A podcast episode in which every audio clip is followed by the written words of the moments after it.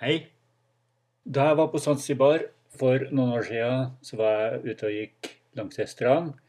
Gikk litt utpå fordi at det var langgrunt og det var lavvann.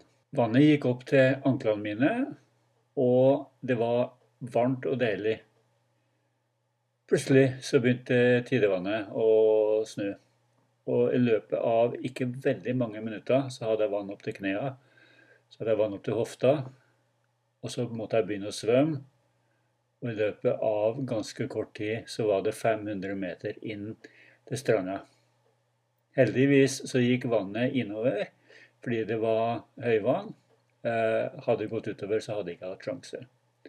Det var en ganske ubehagelig opplevelse. En av de mest ubehagelige opplevelsene jeg har hatt. Det tok meg en halv time. Svømte rolig på ryggen innover. Prøvde å beholde fatninga. Men eh, kreftene de forsvant etter hvert. Men heldigvis så, så, kom jeg meg inn til land, og jeg var helt pumpa.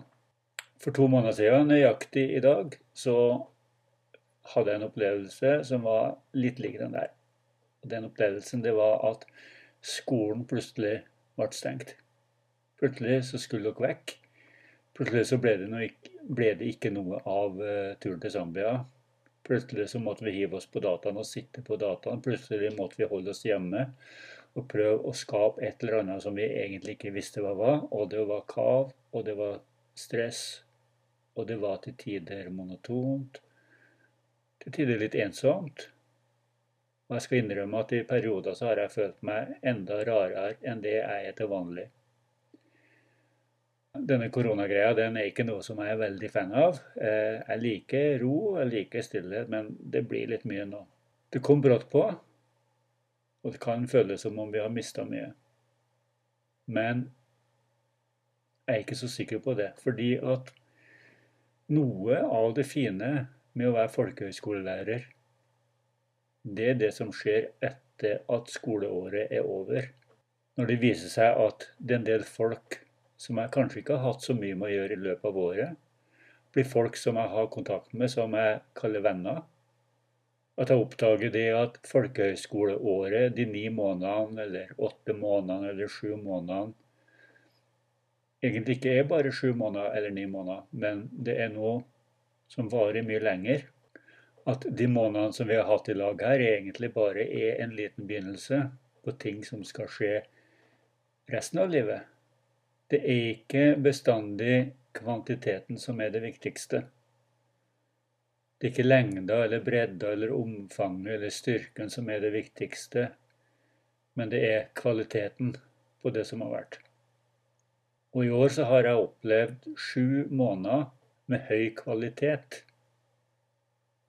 Med kvalitet som går dypere enn en del av de årene som har vart i ni måneder.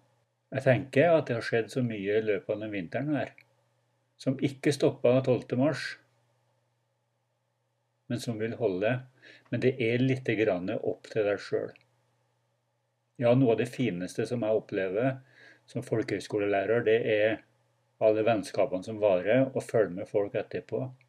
Noe av det tristeste jeg opplever, det er å møte folk igjen etter fem år eller ti år og se at det stoppa opp.